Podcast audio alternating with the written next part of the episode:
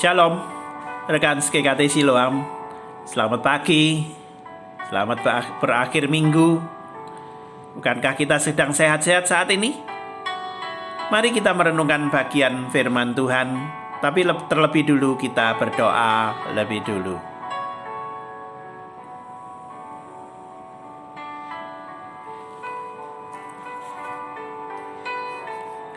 Satu Petrus 4 ayat 7 dan 8. Kesudahan segala sesuatu sudah dekat. Karena itu, kuasailah dirimu dan jadilah tenang, supaya kamu dapat berdoa. Tetapi yang terutama, kasihilah sungguh-sungguh seorang akan yang lain.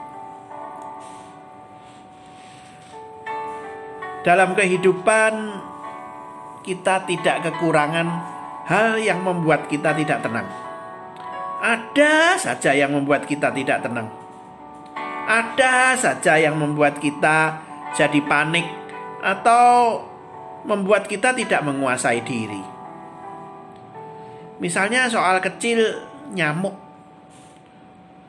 Serangga itu kecil, nyamuk. Tapi membuat kita susah tidur. Bunyinya nging nging nging nging. Demikian juga hal-hal kecil yang lain. Lalat yang bunyi terus di seputar makanan kita susah kita makan dengan enak. Termasuk juga persoalan-persoalan yang kecil. Apa obatnya supaya kita tidak gelisah, supaya tidak tidak panik? Supaya kita bisa menguasai diri, tidak uring-uringan, tidak marah-marah.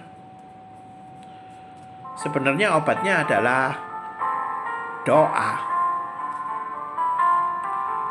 Masalahnya, seseorang tidak akan dapat berdoa kalau dia membiarkan dirinya terus gelisah.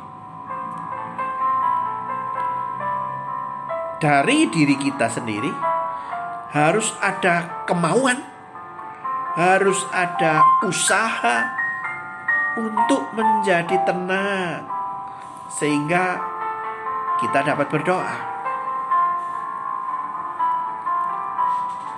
Di dalam doa, kita menaruh kehendak kita di bawah kehendak Tuhan. Mari kita berdoa seperti Yesus bukanlah kehendakku, melainkan kehendakmu lah yang terjadi. Kita hidup dengan mengingat firman Tuhan yang berkata, "Waktu yang sisa jangan kamu pergunakan menurut keinginan manusia, tetapi menurut kehendak Allah." Itu di 1 Petrus 4 ayat 2 kita diarahkan untuk rela melepaskan kehendak diri kita dan menggantinya dengan kehendak Tuhan. Sulit itu. Tetapi kita diminta itu oleh Tuhan.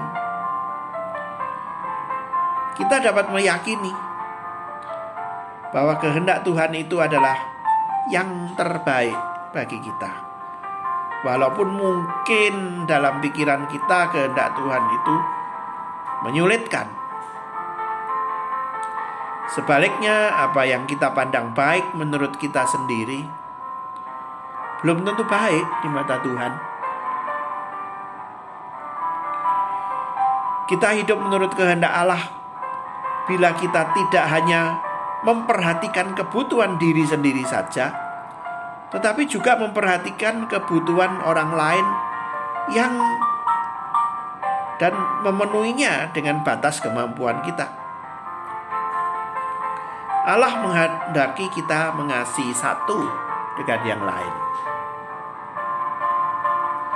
Mari kita tenang. Kita dapat tenang hanya kalau kita dekat dengan Allah. Mari kita tenang tenanglah, hai jiwaku. Dan mari kita berdoa dengan tenang. Kita melayani Tuhan dengan kesungguhan hati dan dengan tenang. Kita memuji Allah juga dengan tenang. Mari kita besok beribadah dengan tenang, dengan kesungguhan hati. Amin. Shalom, selamat pagi. Tuhan memberkati kita semuanya.